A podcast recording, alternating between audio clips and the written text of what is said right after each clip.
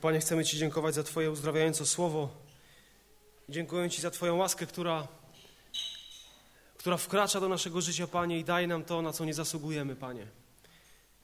Dziękujemy Tobie za Twoją dobroć, za Twoją cierpliwość, za Twoją miłość, za wszelkie objawy Twojej niezwykłości i dobroci, Panie. Dzięki Ci za to, że masz szczególne staranie o swój Kościół. Dzięki Ci za dobre rzeczy, które są przed każdym Twoim dzieckiem. Amen. Dzisiaj kolejny temat, gdzieś tam zaplanowany jakiś czas temu.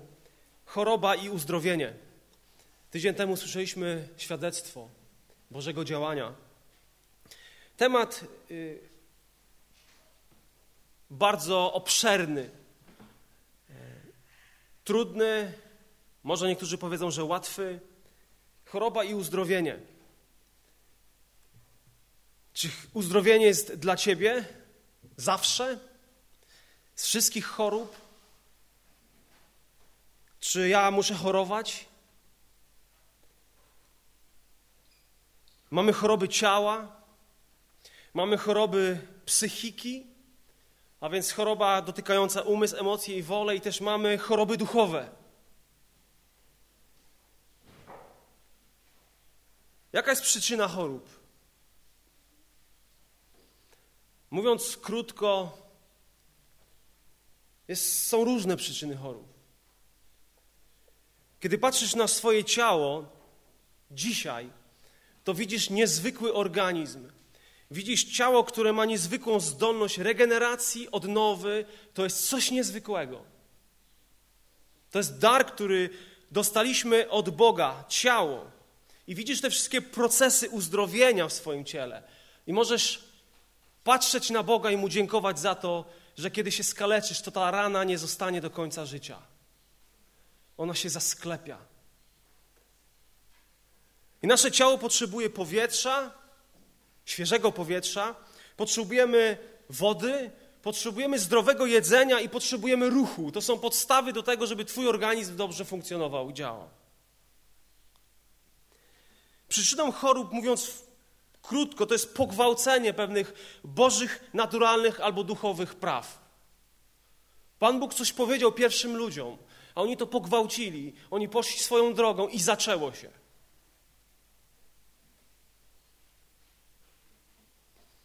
Kiedy patrzysz i zadajesz sobie pytanie, co jest przyczyną chorób, to można też powiedzieć krótko: starość. Starość. Genesis 27:1 A gdy Izaak się, Izaak się zestarzał i oczy jego osłabły, także nie widział. Taki mąż Boży. Pierwsza Samuela 4:15 Heli miał wtedy 98 lat, na oczach miał bielmo i nie mógł widzieć. Król Dawid, pierwsza królewska 1:1 Gdy król Dawid się zestarzał i posunął się w latach, choć go okrywano derkami, nie mógł się rozgrzać.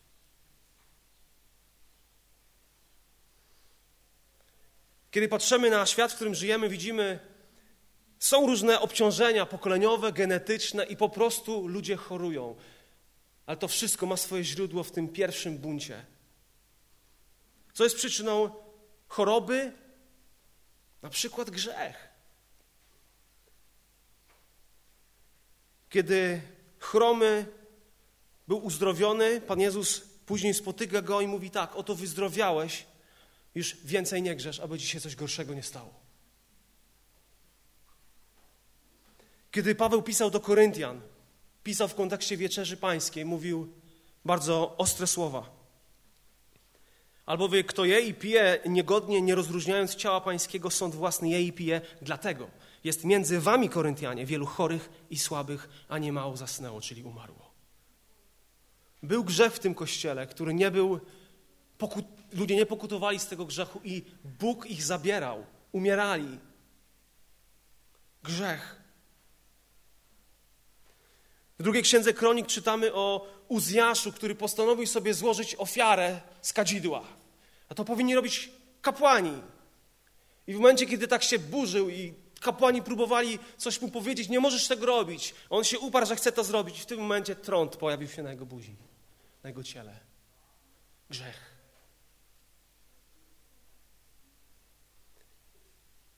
Choroby były wyrazem Bożego sądu.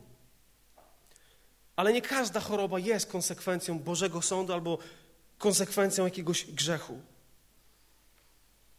Co jest przyczyną chorób? Są bakterie, są różne wirusy, czy po prostu wypadek. Coś się stało. I zostałaś osobą chorą. Okazuje się, że źródła niektórych chorób, na przykład paraliżu, głuchoty, ślepoty, może mieć swój początek w jakimś traumatycznym przeżyciu. Coś się stało. To tak mocno wpłynęło na człowieka, że zachorował. W takim świecie żyjemy. Co jest przyczyną chorób? Diabeł, również diabeł, nasz przeciwnik, szatan czy jego hordy, demony. Gdy patrzysz i czytasz historię z Ewangelii Łukasza z ósmego rozdziału o Gerazeńczyku, to widzisz, że one tak mocno go posiadły, że po prostu zachował się, nie miał zdrowych zmysłów. Ale to wszystko się zmieniło, kiedy spotkał się z Jezusem. Siedział ubrany, przy zdrowych zmysłach i całe miasto się dziwiło, co się stało. Pewnego dnia pewna kobieta przyszła do Jezusa bardzo pochylona, bo nie mogła się wyprostować.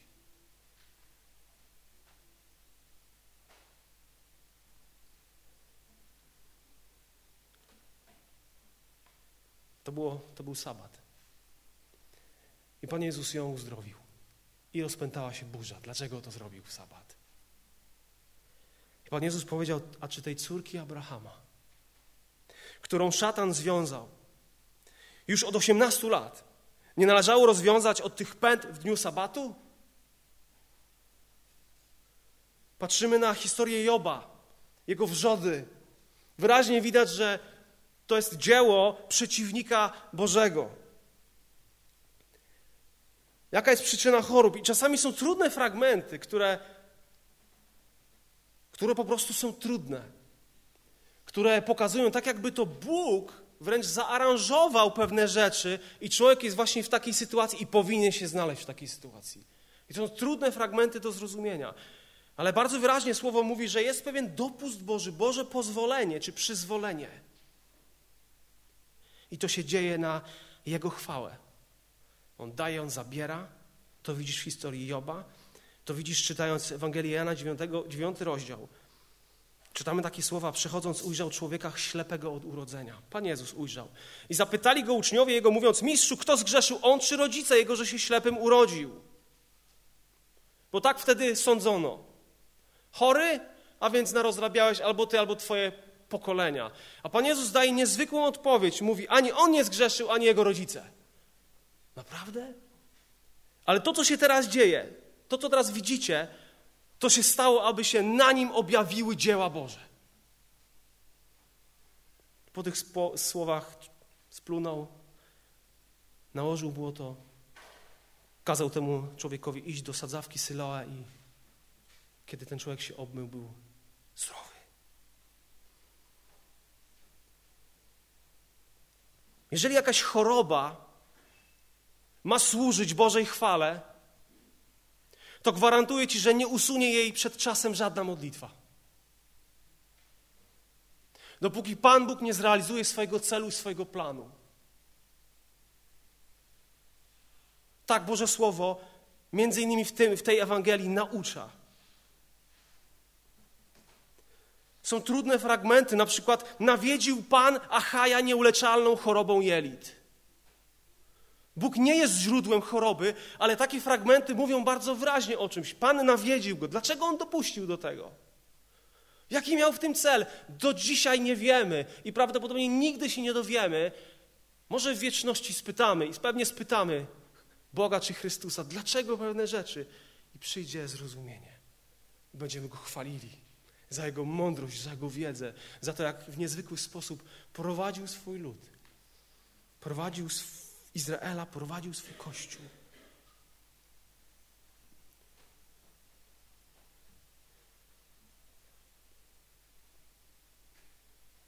A jakie są przyczyny uzdrowienia? Różne.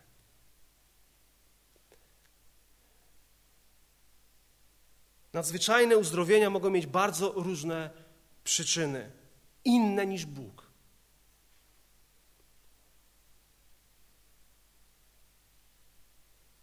Tysiące osób, tysiące zostało uzdrowionych bez żadnego pośrednictwa Jezusa, Boga, po prostu. Czasami z powodu naturalnych konsekwencji. I okazuje się, że większość tego, co się dzieje z organizmem człowieka, nie ma nic wspólnego z cudem uzdrowienia. Mają pewne naturalne przyczyny.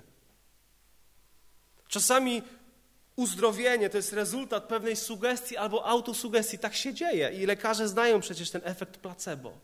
Dajesz choremu coś, co nie jest lekarstwem, mówisz, że to jest niezwykły lek. I ludzie, to jest udowodnione, po prostu część z nich zostaje uzdrowionych, wychodzą z choroby. Tak się dzieje.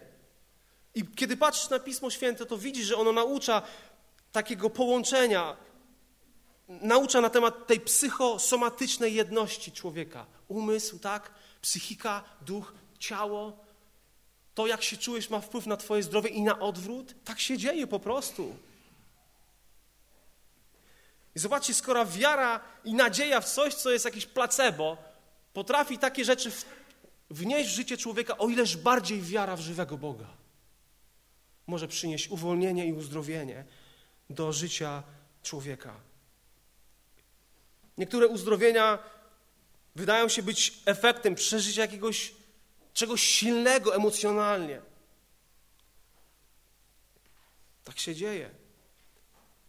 Inne uzdrowienia to są po prostu pewne przemyślane sztuczki pseudo-uzdrawiaczy. To w ogóle nie jest uzdrowienie, ale tak wygląda, jakby było. Ale po czasie wychodzi, że to jednak było kłamstwo. Jezus wyraźnie powiedział, ród zły i cudzołożny domaga się znaku. I będą mieli takie znaki w bardzo dużej ilości. Kiedy patrzysz na różne kampanie uzdrowieńcze, uzdrawiaczy, ludzi, którzy twierdzą, że mają dar uzdrawiania, to nieraz naprawdę, albo w większości przypadków widzisz pewną zasadę wzbudź fałszywą nadzieję i wyciągnij pieniądze. Wzbudź fałszywą nadzieję i wyciągnij pieniądze. Mamy mnóstwo przykładów ludzi, którzy właśnie w taki sposób postępowali. Peter Popow, James Randi, wydłużanie nóg, standardowa uzdrowienie. Do tej pory całkiem nieźle się ma pseudo uzdrowienie.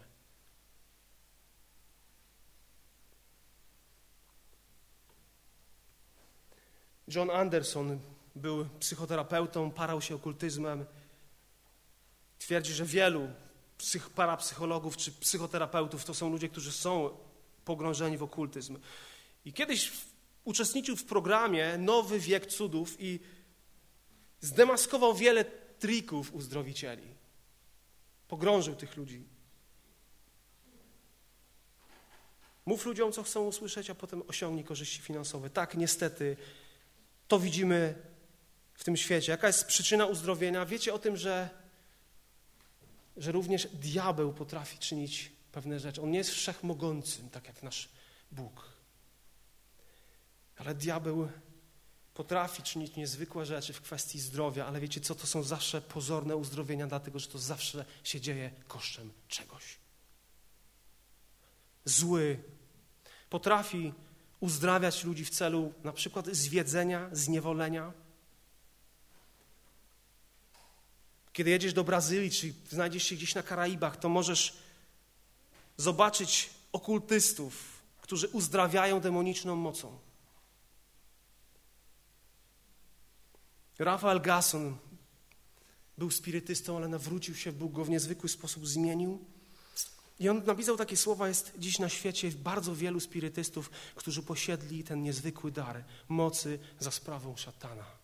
Ja sam byłem używany w taki sposób i mogę zaświadczyć, że na własne oczy widziałem cudowne uzdrowienia, które miały miejsce podczas spirytystycznych spotkań uzdrowicielskich. John Fuller napisał w swojej książce Arigo. Nie wiem, czy ktoś z Was czytał.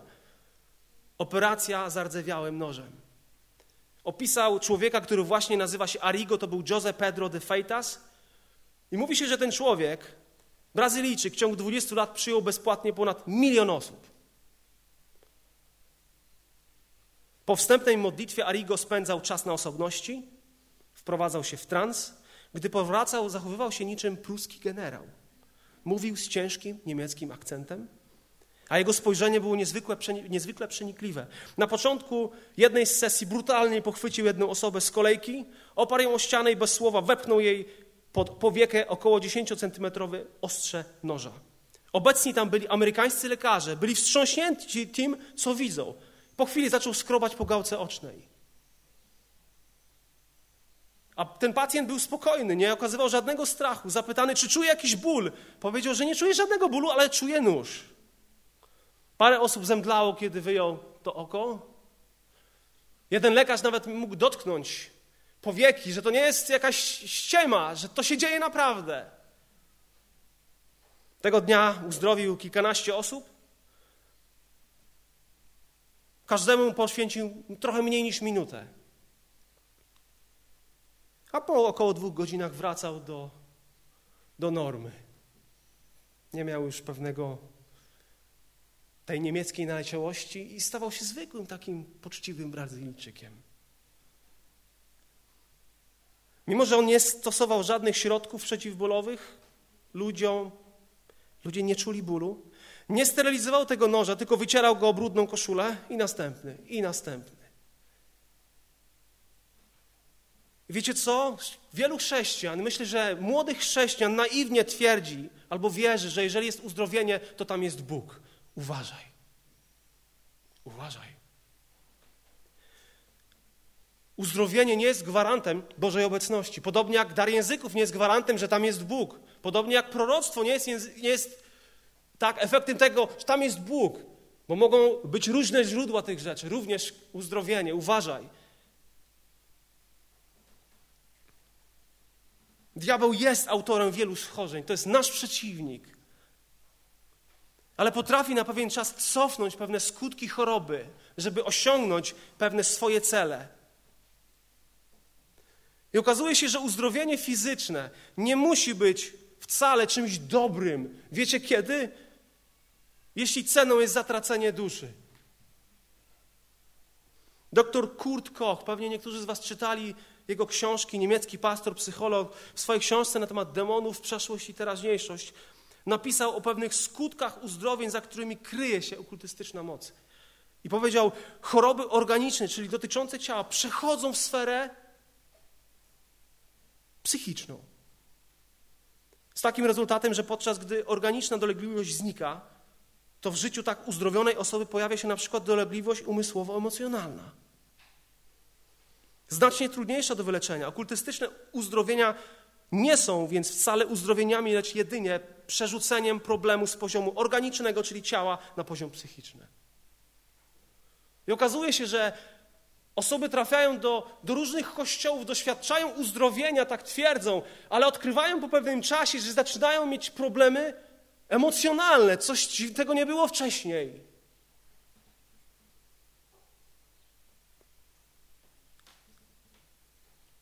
Kto jest źródłem uzdrowienia? również nasz Bóg, również nasz Zbawiciel, ten, który oddał za ciebie życie, ten, który dał wszystko, co jest Tobie potrzebne, aby właściwie funkcjonować. On jest lekarzem, On jest uzdrowicielem. I kiedy Bóg wyprowadzał Izraela z Egiptu, to powiedział, jeżeli pilnie słuchać będziecie głosu Pana, Twego Boga i czynić będziecie, będziecie to, co prawe w oczach Jego, jeżeli zważać będziecie na Jego przykazania i strzec będziecie wszystkich przepisów Jego, to żadną chorobą, którą dotknął, dotknąłem Egipt, nie dotknę Ciebie, bom ja, Pan Twój lekarz. To Bóg powiedział o sobie, ja jestem Twoim Panem, lekarzem.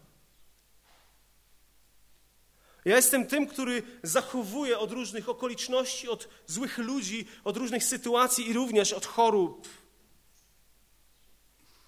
Psalm 103, on odpuszcza wszystkie winy Twoje. Słynny psalm, leczy wszystkie choroby Twoje. I wiemy, że Pan Bóg używa tego, co stworzył w naturze, używa różnych ziół, to jest, to jest Jego też dar dla nas, używa lekarzy. I Biblia pokazuje w przychylnym świetle zarówno zawód lekarza, jak i korzystanie z lekarstw. Ale Pan Bóg nie potrzebuje lekarzy. i nie potrzebuje lekarstw, aby dać Tobie i mnie uzdrowienie. On sam jest lekarzem, on sam jest uzdrowieniem dla człowieka. I kiedy patrzysz na, na Biblię, to, to wydają się, można powiedzieć o takich trzech okresach, kiedy, kiedy y, było takie większe nasilenie cudów, niezwykłych rzeczy. To był czas Mojżesza i Jozułego, wyprowadzania. Potem był, to był czas Eliasza i Elizeusza i potem czas Jezusa i apostołów. Czy można powiedzieć o wyjątkowości tych okresów? Myślę, że tak. Kiedy Pan Bóg powoływał, kiedy Jezus powoływał apostołów, zwołał dwunastu, dał im moc i władzę nad wszystkimi demonami i moc uzdrawiania chorób i posłał ich, aby głosili Królestwo Boże i uzdrawiali. W niezwykły sposób Bóg w osobie Pana Jezusa Chrystusa wyposażył dwunastkę. Inny fragment z Ewangelii Mateusza mówi o tym, że posłał ich, aby uzdrawiali wszelką chorobę i wszelką niemoc. A idąc głoście wieść, przybliżyło się Królestwo Niebios. Marek dodaje, oni poszli i wzywali do pamiętania i wyganiali wiele demonów, wielu chorych, namaszczali olejem i uzdrawiali. On wysyłał też 72 pewnego razu i obdarzył im czymś niezwykłym. I oni przyszli, zaczęli mu mówić, Panie, co my, co my robiliśmy? I ten Mesjasz ich gasi i mówi, nie z tego się cieszcie, że czynicie cuda, ale z tego, że wasze imiona są zapisane w niebie.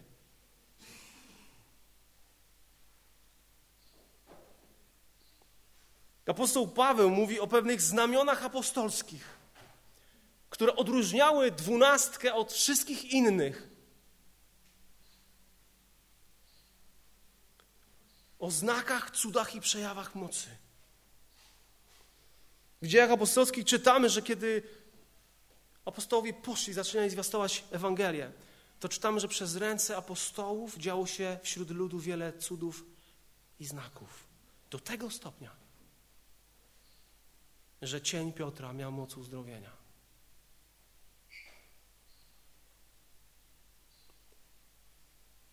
Pan Bóg tak używał Pawła, że kiedy Paweł dotknął jakieś chusty czy przepaski i ona zanoszono ją do chorych, to byli uzdrawiani w niezwykły sposób. Pan Bóg to czynił. I co ciekawe, trzeba zwrócić uwagę, że wierzący przynosili swoich chorych do Jezusa i do apostołów.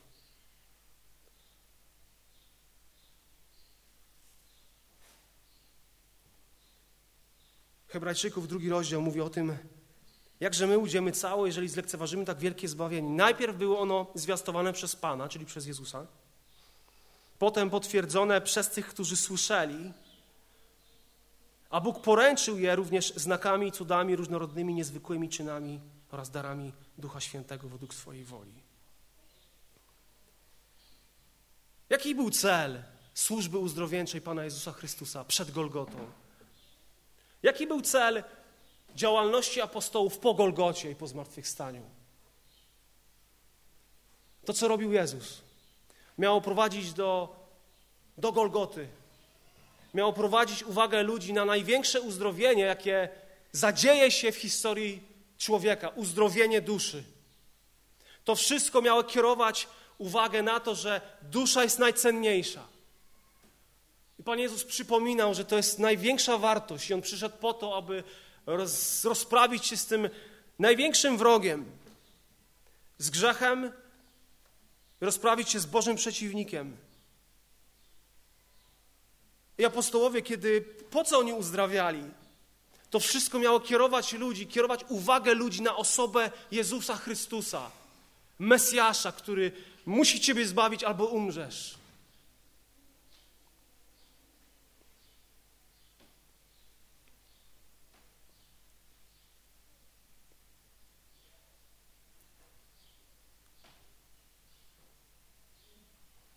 To miało prowadzić do nawrócenia, do pogłębienia wiary. Marek mówi, oni zaś poszli apostołowie i wszędzie kazali, a Pan im pomagał i potwierdzał ich słowo znakami, które mu towarzyszyły. Jakie słowo? O czym? O czym oni mówili? O kim oni mówili? O Jezusie. I kiedy patrzysz dzisiaj na jakich cudów albo jakiego uzdrowienia dzisiaj ludzie chcą, co najmniej dwóch. Po pierwsze, uzdrowienie finansów i uzdrowienie ciała. Każdy tego pragnie. Uzdrowienie w kwestii finansowej i uzdrowienie, jeśli chodzi o zdrowie.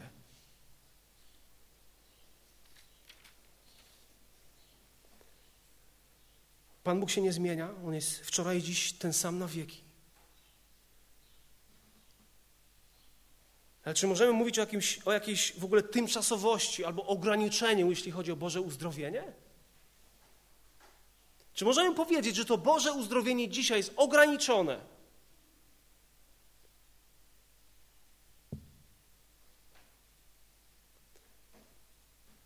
Tak. Mówiąc tak, nie mam na myśli tego, że Bóg nie uzdrawia, nie działa. Ale zobaczcie, że to Boże uzdrowienie, które dotykało Łazarza, córki Jaira, nie pokonało śmierci. Wszyscy ci, którzy doświadczyli cudownego Bożego działania, pewnego dnia znaleźli się w grobie. Tak? Tak. Zobaczcie, że to uzdrowienie nie mogło albo nie, nic nie zrobiło w kwestii starości. Bo czy kiedy chowamy naszych najbliższych, którzy żyją na tej ziemi, to nie chowamy ich z młodym ciałem. Jak to jest możliwe? Czy Boże uzdrowienie nie, nie może dotknąć naszych ciał, naszych zmarszczek, żebyśmy byli cały czas nowi, świeży jak piętnastolatka? Bez zmarszczek, jędrni. Zobaczcie, że są pewne, pewne rzeczy, które Pan Bóg ustanowił i nawet Jego Boże uzdrowienie nie dotyczy tego. Ale to wszystko Oczy Ewangelii są skupione na tym, co dla Kościoła ma nadejść. Zobaczcie, jesteśmy zachęcani do tego, żeby patrzeć na to, co przyjdzie. Na ten czas, kiedy będziemy odnowieni, kiedy będziemy, nasze ciała będą uzdrowione, kiedy nie będzie już grzechu. On mówi, na to patrzcie, wyczekujcie tego dnia. To nie znaczy, że dzisiaj Pan Bóg nie uzdrawia, nie dotyka, ale kiedy szczerze spojrzysz, to widzisz, że nawet tak cudownego, coś cudownego jak Boże uzdrowienie ma pewne ograniczenia ze względu na to, co się stało.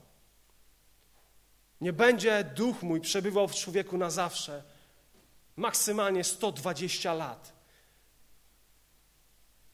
No Panie Boże, no przecież ja wierzę w Twoje uzdrowienie, nie mam najmniejszych wątpliwości, że Ty jesteś lekarzem, że Ty jesteś Panem, no nie mógłbyś mi dać tak 300 lat, tak jak było na początku, 900. No Panie Boże, naprawdę i, i wierzymy w to, że On jest Panem, ale zobaczcie, Często takie podejście można widzieć w wielu osobach. Tu, teraz, to ma się dziać i, i, i co? Pomija się taki prost, prosty fakt. Zapłatą za grzech jest. Niestety. Tak jest. I to wcale nie pokazuje, że Pan Bóg przestał działać, nie ma mocy, ale to pokazuje, że On ma potężną moc i przygotowuje dla Ciebie Coś niezwykłego.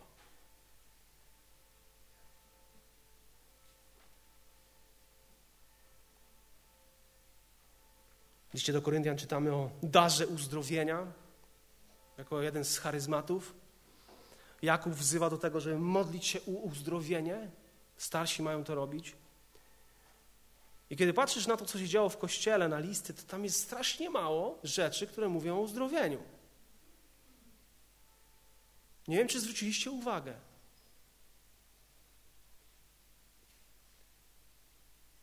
Też słyszałem takie, takie rzeczy, że fundamentalną kwestią w Kościele dzisiaj jest służba uwalniania i uzdrawiania. Czemu listy o tym milczą?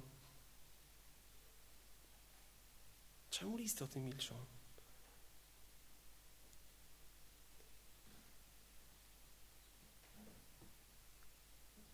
Wierzymy w to, że Pan Bóg ma moc.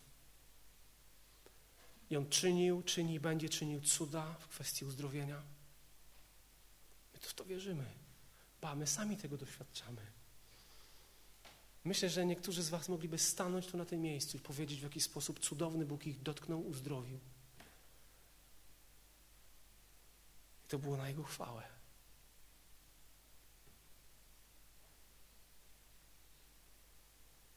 Są fragmenty, które powodują, że zaczynam myśleć.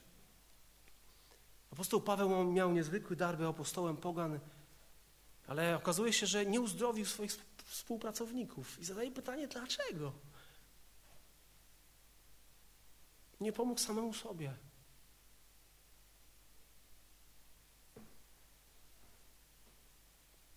Elizeusz, chociaż potężnie był używany, namaszczony przez, przez Bożego Ducha, uzdrawiał ludzi, ale wiecie co, no same jest napisane, że cierpiał i wskutek choroby umarł.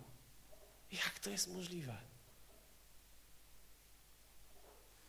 I pewnego dnia, kiedy chowano pewnego umarłego, i w tym momencie Moabici najechali, tak mówi Boże Słowo, i tego umarłego jakiegoś młodzieńca wrzucono przez przypadek do grobu Elizeusza, tam były już jego kości.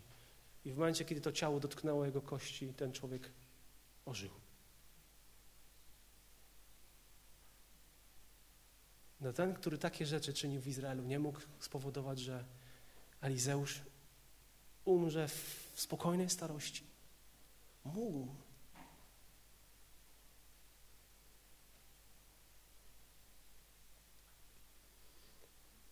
Drugi Tymoteusza 4,20.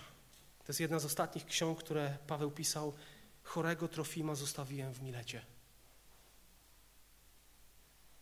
To mówi apostoł.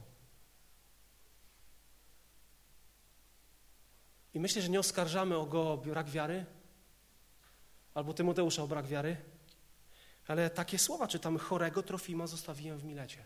Jak to jest możliwe? Dar wiary on miał, dar uzdrawiania, ale taka takie rzeczy czytamy.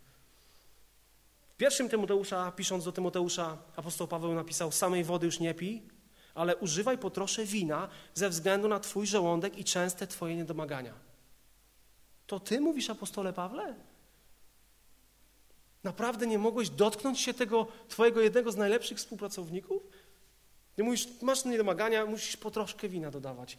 Naprawdę? To są, to są słowa w Biblii? Chyba ich tutaj nie ma. Ale zobaczcie, dlaczego tak się stało? Nie wiemy. Ale w tym wszystkim możemy widzieć pewien większy cel, który jest nieznany dzisiaj dla ciebie i dla mnie. Czy takie fragmenty powodują, że tracisz wiarę? Że tracisz miłość do swojego Boga? Nie. Nie.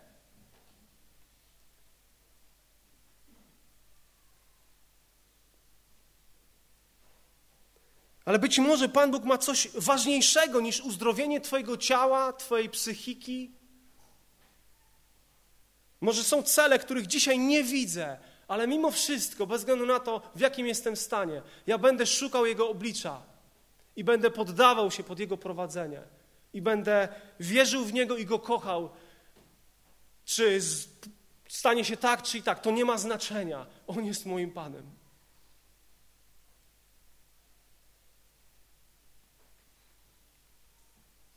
Kiedy patrzysz na uzdrowienie w Piśmie Świętym, patrzysz na jakość tego uzdrowienia, co z...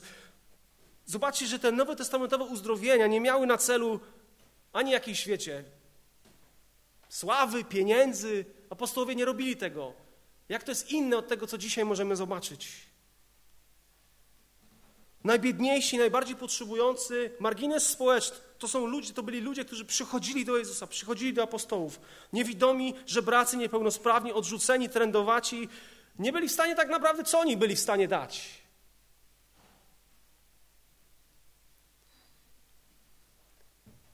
Kiedy Pan Jezus czynił cuda, to chcieli Go obwoływać królem, a kiedy zaczął bardzo konkretnie zaczął rozmawiać na temat ich serc i grzechów, to się wszystko waliło. Oni chcieli, nie chcieli Zbawiciela, oni chcieli cudotwórcę.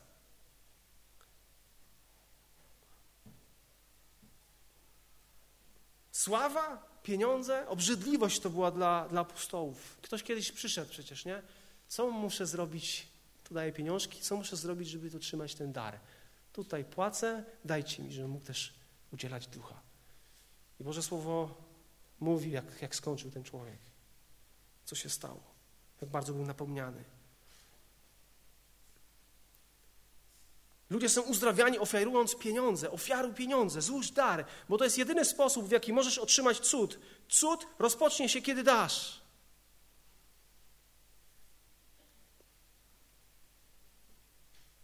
Pożerają domy wdów. Sprzedają fałszywą nadzieję. Są tacy ludzie, ale takie nie było nowotestamentowe uzdrowienie.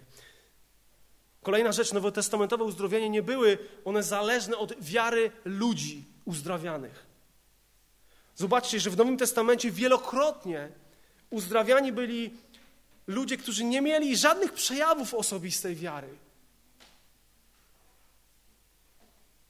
Ślepi, opętani, chromy przy sadzawce Betesda. Dopiero po uzdrowieniu dowiedział się, kto to jest Jezus. Łazarz, jaką on miał wiarę, jak był martwy? Córka Jaira. Bóg uzdrawiał Rzeszę, mimo tego, że nie wszyscy wierzyli w Niego.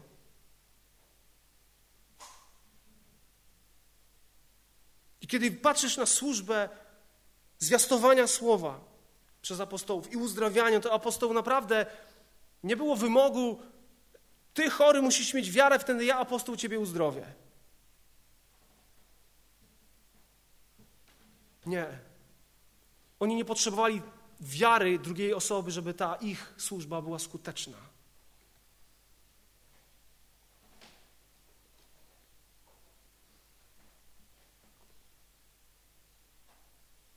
Chociaż czytamy o tym, że Pan Jezus cenił wiarę, chociaż reagował na wiarę ludzi praktycznie zawsze, kiedy widział, uzdrawiał, ale to nie był warunek tego, powodzenia Jego służby.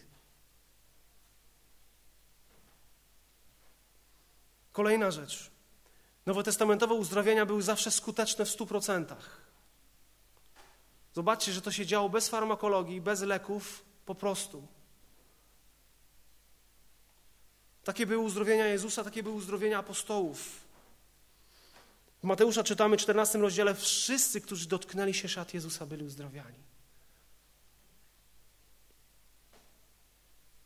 Trąd znikał natychmiast. I taki chory mógł iść do kapłana i kapłan weryfikował, mówi, jesteś zdrowy. Nie ma nic.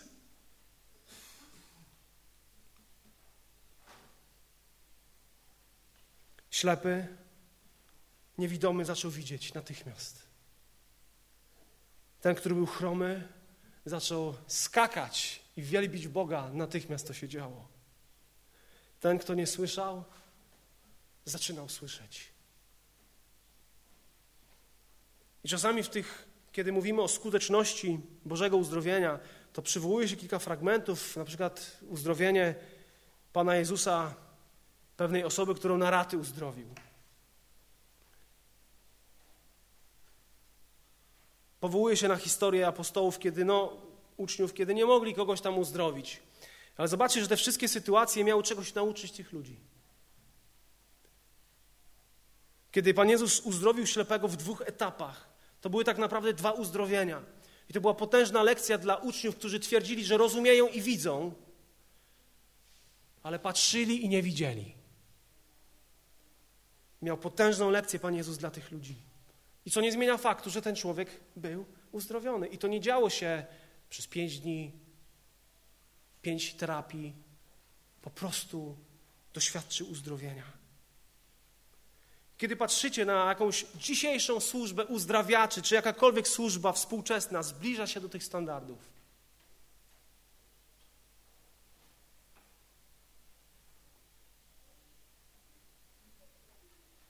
Czy mówiąc tak, przekreślam służbę uzdrowienia? Nie.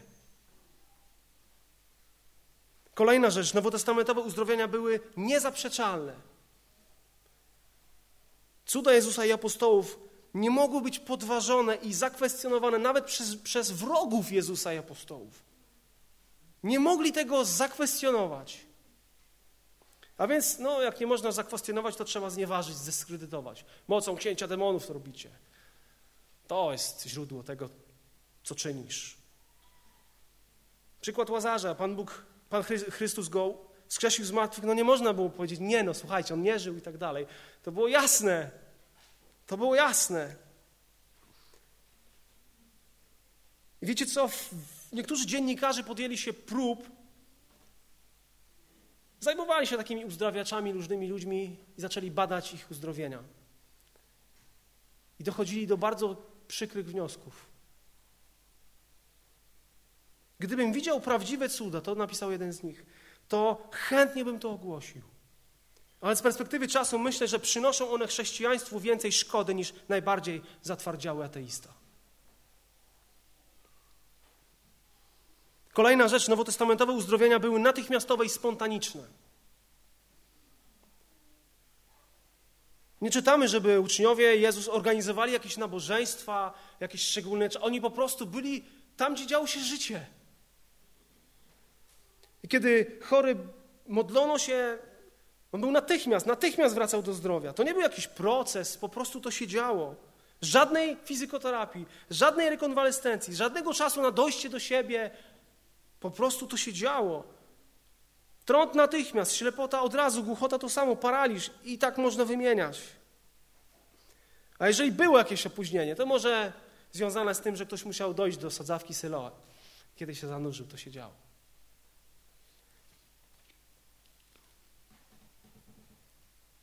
One były spontaniczne, one były wplecione w normalne życie ludzi.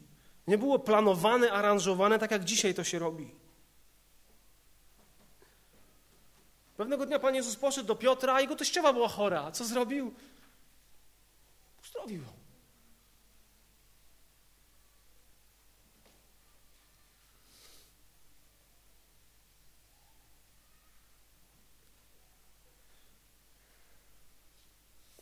Nie wiesz we wszystko, co widzisz. Na nabożeństwach uzdrowieńczych, no Stany Zjednoczone słyną z tego, reżyserowane jest nie tylko to, co widzą telewidzowie, ale to, co widzą widzowie siedzący. Takie są realia. A ilu jest takich połamanych ludzi z, z tego powodu, że ktoś ich oszukał? Kiedy patrzysz na nowotestamentowe uzdrowienie, to widzisz, że one potwierdzały prawdziwe Boże przesłanie. One potwierdzały Ewangelię. One służyły jako taki znak uwierzytelnienia Ewangelii i tych, którzy tę Ewangelię głosili, Chrystusa i apostołów. Piotr przecież w Dniu Zielonych Świąt powiedział o Jezusie, którego Bóg wśród was uwierzytelnił przez czyny niezwykłe cuda i znaki. To miało wam pokazać, kim On jest i po co przyszedł. Jan, kończąc swoją Ewangelię, mówi i wiele innych cudów uczynił Jezus wobec uczniów, które nie są spisane w tej księdze.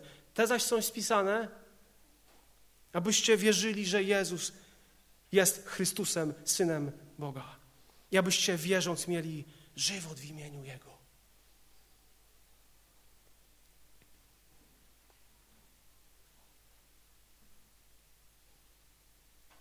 Bóg potwierdzał zwiastowane słowo niezwykłymi rzeczami. I wydaje mi się, że kiedy, jeżeli Kościół poważnie podejdzie do tematu zwiastowania i misji,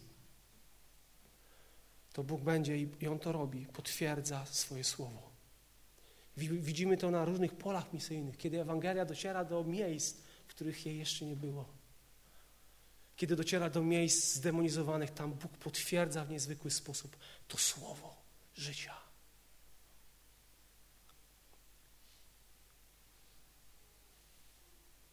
A jakie są przyczyny braku uzdrowienia? Nasz Pan jest Bogiem lekarzem. Czynił cuda, czyni cuda, dotyka, uzdrawia, przemienia serca. A jakie są przyczyny? Pierwsza, banalna. Nie zmieniasz nawyku życia. Nie zmieniasz stylu życia. Czytamy o tym, że Pan Bóg nie da się z siebie naśmiewać. Jest zasada, co zasiałeś, to po zbierzesz, tak? I to nie dotyczy tylko zasady ducha, ale też Twojego ciała. Jeżeli nie masz ruchu, jeżeli niewłaściwie się odżywiamy, jeżeli wdychamy brudne powietrze, to na co możemy liczyć?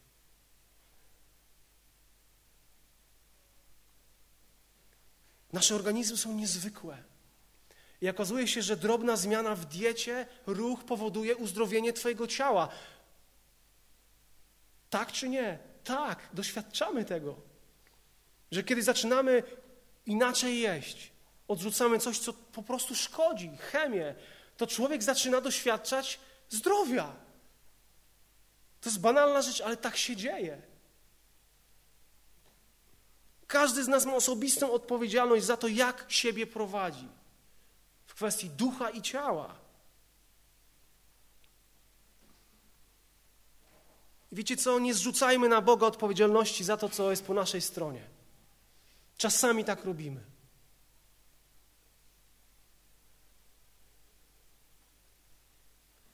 Nie zrzucajmy z siebie odpowiedzialności. Przestańmy się chować za plecami Boga i przypisywać Jemu, nie daj Boże, jakichś kłopotów, które mamy i potem wołamy, biadolimy. Bierzmy się do pracy, jeśli chodzi o nasze ciało. To jest prosta i banalna rzecz. Ale Bóg od samego początku, nawet dając prawo, napisał o pewnych zdrowotnych rzeczach dla Izraela, prawda? Co mają jeść, czego nie dotykać, na co uważać.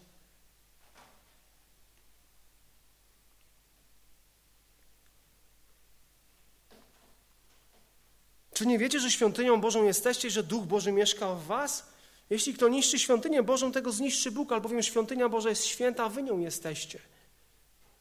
Albo czy nie wiecie, że ciało wasze jest świątynią Ducha Świętego, który jest w was i którego macie od Boga i że nie należycie też do siebie samych, drogoście bowiem kupieni. Wysławiajcie tedy Boga w ciele waszym.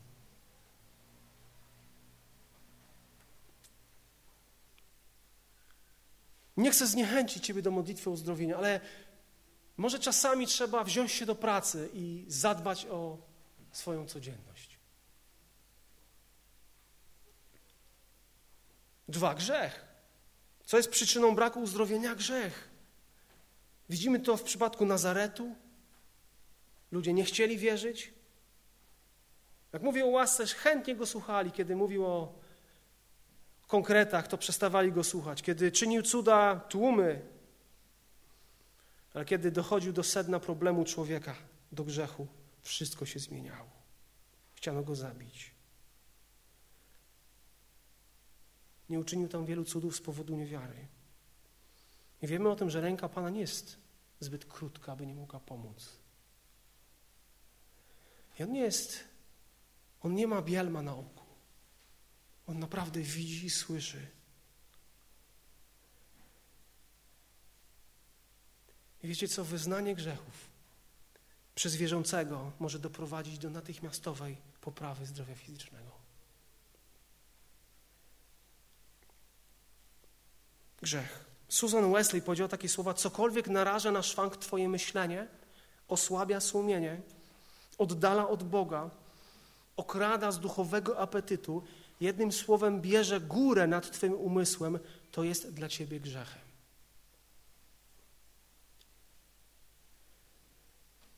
I jeden z najpoważniejszych to jest brak przebaczenia. Ktoś powiedział, że to jest klucz do, do zdrowia fizycznego, psychicznego, emocjonalnego. Corrie ten Boom fajnie powiedziała, że wybaczenie nie jest emocją, lecz aktem woli, zaś wola nie może, może funkcjonować niezależnie od temperatury serca.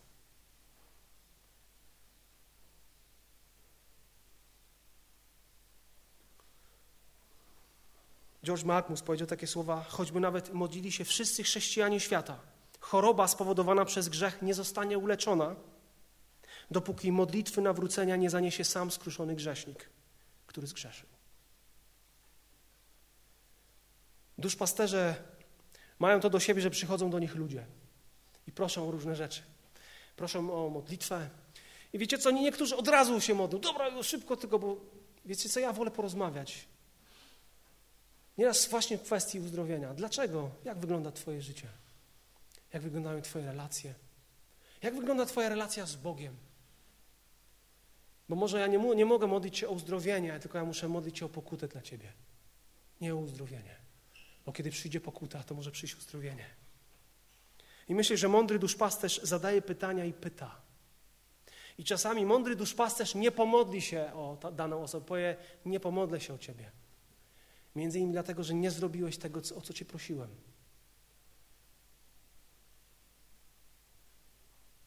Nie zrzucaj odpowiedzialności.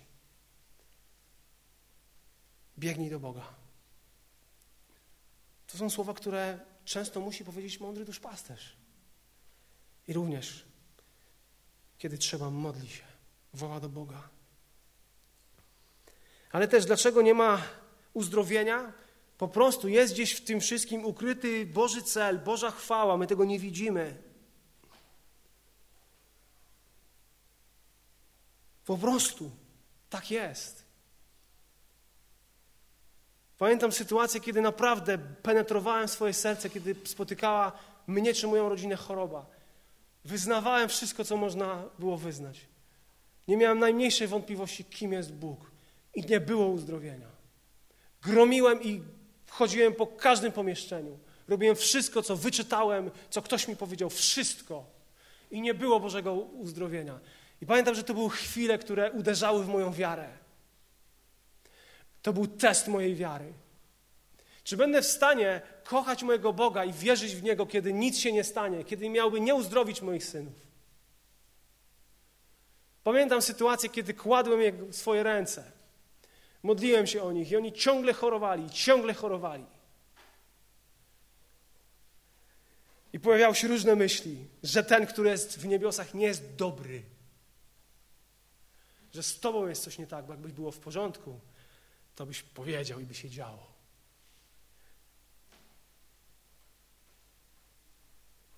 Ale pamiętam sytuację, kiedy w pokorze wołało się do Boga: Boże, potrzebuję Ciebie. I Bóg odpowiadał na modlitwę.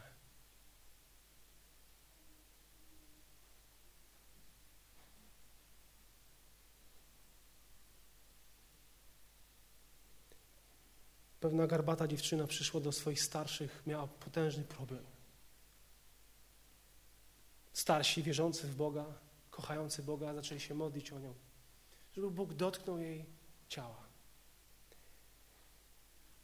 Po pewnym czasie tej modlitwy ta dziewczyna nagle przerwała tą modlitwę i mówi tak, nie módlcie, nie módlcie się już o mnie. Bóg mi coś pokazał. Bóg mi pokazał, że kocha mnie taką, jaką jestem że jestem dla Niego cenna, wiecie co, ja już nie chcę tego uzdrowienia. Ja już wiem, kim ja jestem. I odeszła pogarbiona. Czy to jest możliwe?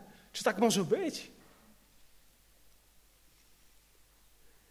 Czy naprawdę można żyć słysząc słowa dosyć masz, gdy masz moją łaskę? Bo ja przez Twoją słabość chcę działać w mocy. Żeby to było widoczne Musisz mieć tą słabość. Czy to jest możliwe, żeby Pan Bóg tego chciał dla swojego kościoła? Dla swojego ludu?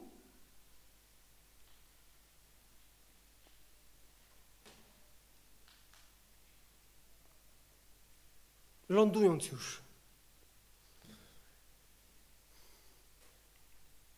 Chcesz być zdrowy? Może w ogóle takiego pytania nie powinniśmy zadawać.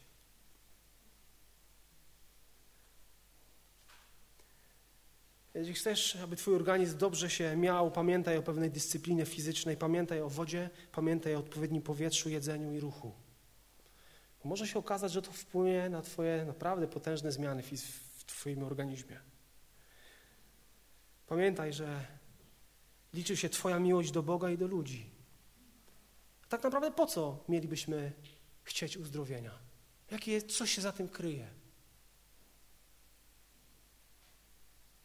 Jego chwała? Czy może ukryta dziś zakamuflowana pycha? Tak często jest, niestety. Spójrz na swoją postawę przed Bogiem. Znaj swoją pozycję w Chrystusie, to kim jesteś w Nim. Jeżeli mamy przystępować do tego, który jest uzdrowieniem i jest naszym lekarzem, to musimy przychodzić do Niego autentyczni, szczerzy wobec innych, wobec siebie, wobec Boga. To jest podstawa w ogóle przyjścia do, do naszego lekarza. Johnny Erickson Tada powiedziała, pogoda ducha i czyste sumienie są najskuteczniejszym lekarstwem. Ciekawe słowa. Jesteśmy zachęcani do tego, żeby poddawać się Bogu, przeciwstawić się diabłu, a on ucieknie od nas. Najważniejsze w chorobie, czy też w byciu zdrowym, czy uzdrowieniu, co jest? Społeczność z Bogiem, społeczność z Jezusem Chrystusem. I to uzdrowienie będzie w Twoim życiu. Ono przychodzi, pojawia się, kiedy płynie prosta modlitwa. Często w komorze, często w małych wspólnotach, grupach, gdzie nie ma fanfar, gdzie nie ma reklamy, ale gdzie są czyste serca, gdzie jest pragnienie, aby Jezus był uwielbiony. Ta modlitwa płynie i Pan Bóg odpowiada. Kieruj wzrok na swojego Zbawiciela. I pamiętaj, że jesteśmy powołani do tego, żeby głosić Ewangelię. Żeby głosić Ewangelię i prawdę drugiemu człowiekowi, a Pan Bóg będzie ją potwierdzał. Tak jak będzie chciał. Tym, czym będzie chciał.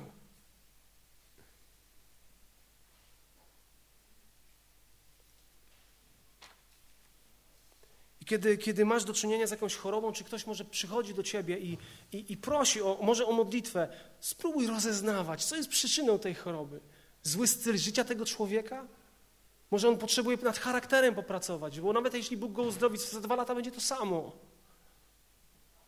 Bo ma problem z charakterem, bo jest niedbały, bo jest leniwy, bo byle jak podchodzi do świątyni Bożego Ducha Świętego.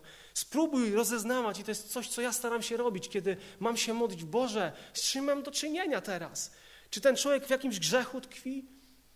Czy to jest jakiś atak? Po, po, powiedz mi, czy, czy jest w tym ukryta Twoja chwała? Ja chcę wiedzieć, ja wtedy będę wiedział, jak się modlić. Czy to jest czas, kiedy mówisz, módl się? A odpowiem. Módl się, odpowiem. Tak jak powiedziałem, że jeżeli jesteś Bożym dzieckiem, masz Bożego Ducha Świętego, masz potencjalnie wszystkie charyzmaty i Pan Bóg może Ciebie użyć we wszystkim, jeśli tego zechce. Może w niezwykły sposób użyć najmniej może znaczącego członka Kościoła.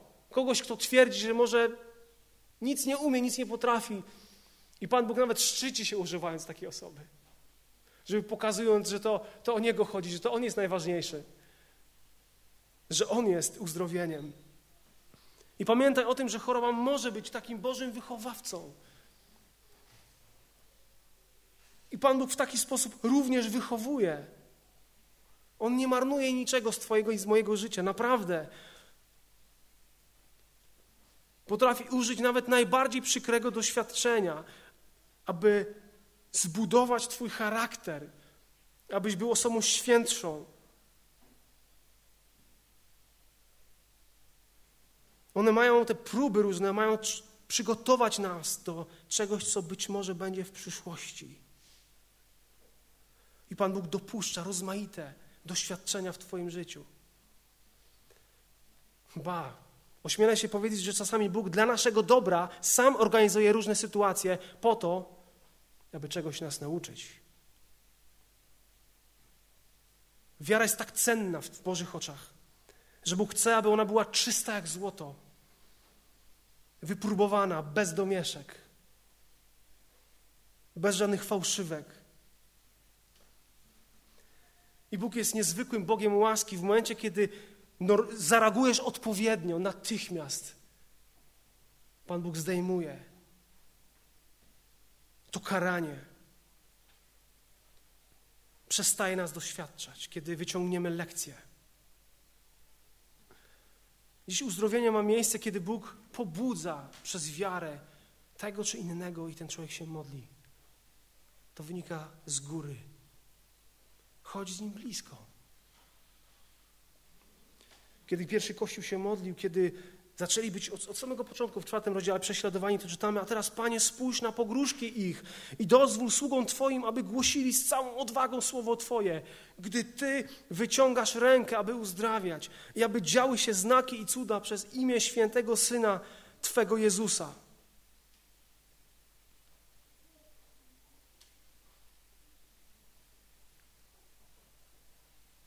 Uzdrowienie, kiedy czytasz Zobaczcie, że ono wynika ze spotkania z żywym Jezusem.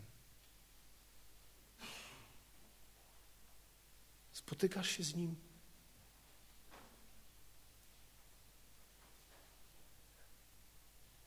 Druga kronik. W 39 roku swego panowania Asa zachorował na nogi. A jego choroba coraz bardziej się wzmagała, lecz nawet w swojej chorobie nie zwracał się do Pana, ale do lekarzy. Nie bądźmy tak jak ten król. Choruje kto między wami? Niech przywoła starszych zboru i niech się modlą nad nim, namaściwszy go oliwą w imieniu pańskim. A modlitwa płynąca z wiary uzdrowi chorego i Pan go podźwignie. Jeśli zaś dopuścił się grzechów, będą mu odpuszczone. I zobaczcie, co jest dalej powiedziane. Wyznawajcie tedy grzechy jedni drugim. I módlcie się jedni za drugich, abyście byli uzdrowieni. Może brakuje wyznania grzechów między sobą, aby przyszło Boże uzdrowienie. Może wy, brakuje szczerych łez, szczerych przeprosin, aby przyszło uzdrowienie.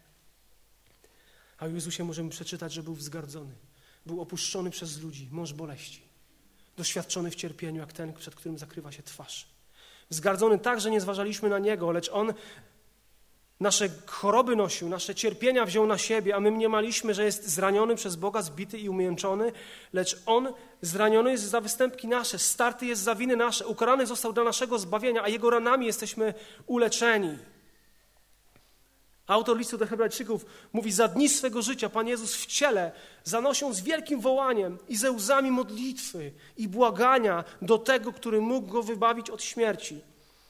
I dla bogobojności został wysłuchany, i chociaż był synem, nauczył się posłuszeństwo przez to, co wycierpiał, a osiągnąwszy pełnię doskonałości, stał się dla nas wszystkich, którzy są mu posłuszni, sprawcą zbawienia wiecznego. I został obwieszczony przez Boga jako arcykapłan według porządku Melchisedeka.